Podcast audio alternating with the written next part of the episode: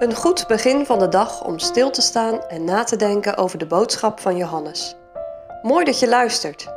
Deze week met Elwin Dekker.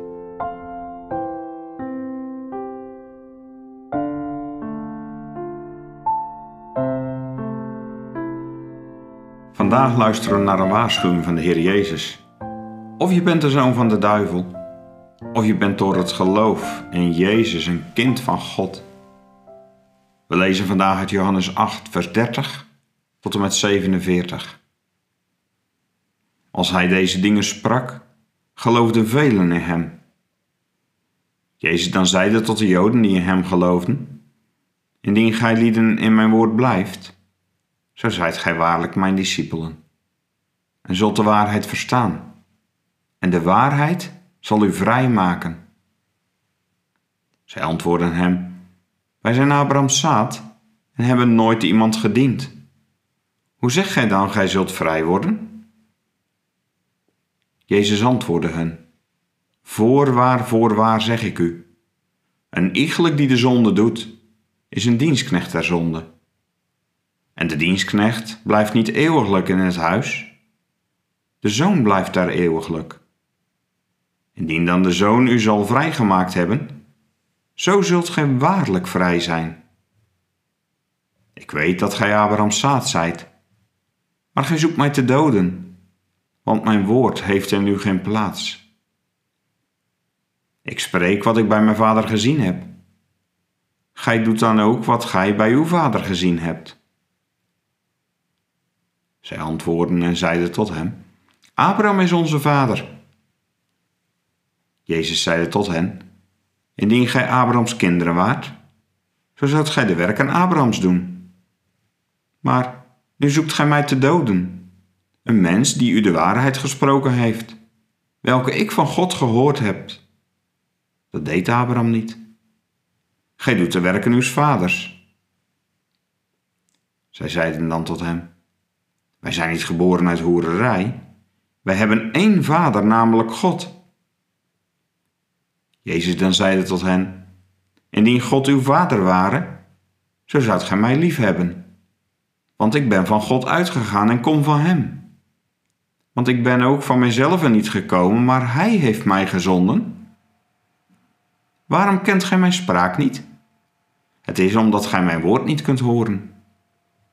Gij zijt uit een vader de duivel en wilt de begeerte uws vaders doen. Dit was een mensenmoorder van de beginnen en is in de waarheid niet staande gebleven, want geen waarheid is in hem. Wanneer hij de leugen spreekt, zo spreekt hij uit zijn eigen, want hij is een leugenaar en een vader van dezelfde leugen. Maar mij, omdat ik u de waarheid zeg, Gelooft gij niet? Wie van u overtuigt mij van zonde? En indien ik de waarheid zeg, waarom gelooft gij mij niet? Die uit God is, hoort de woorden Gods.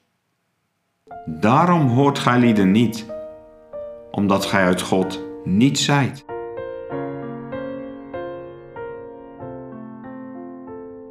Is het geen goede gedachte van de Joden?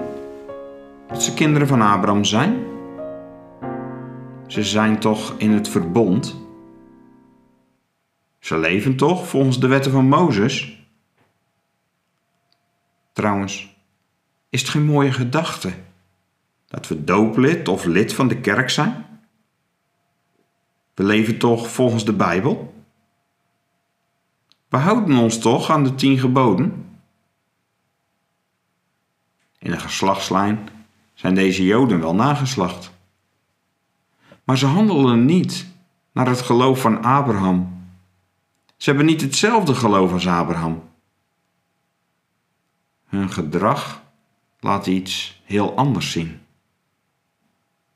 Abraham geloofde, maar zij willen Jezus doden. En waarom willen zij hem doden? omdat Jezus de waarheid tot hen gesproken heeft. Dus, wie is dan echt hun vader? Als God echt hun vader was, zouden ze Jezus lief hebben. Want Jezus is van God uitgegaan en gekomen. Maar ze verwerpen Jezus. Het bewijst duidelijk dat God niet hun vader is. Het is onmogelijk God als vader te kennen en tegelijk de zoon te verwerpen. Dan is Jezus duidelijk en zegt: De duivel is jullie vader. En jullie doen dezelfde dingen. Hij is een moordenaar, een bedrieger. In hem is geen waarheid. En dan komt de tegenstelling.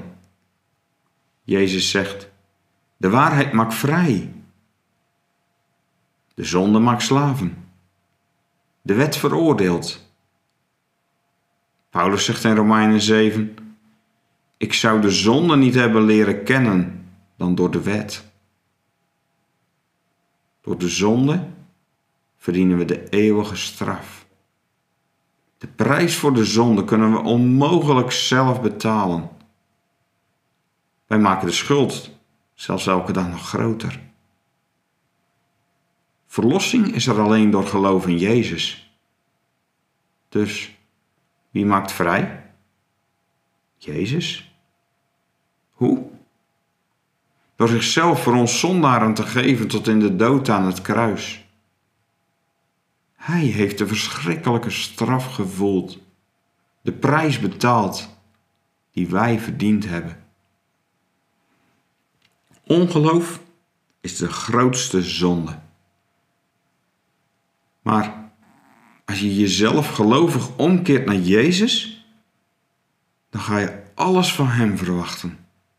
Het geloof dat de Heilige Geest in jouw hart werkt, geloof in de verlossing door Jezus Christus.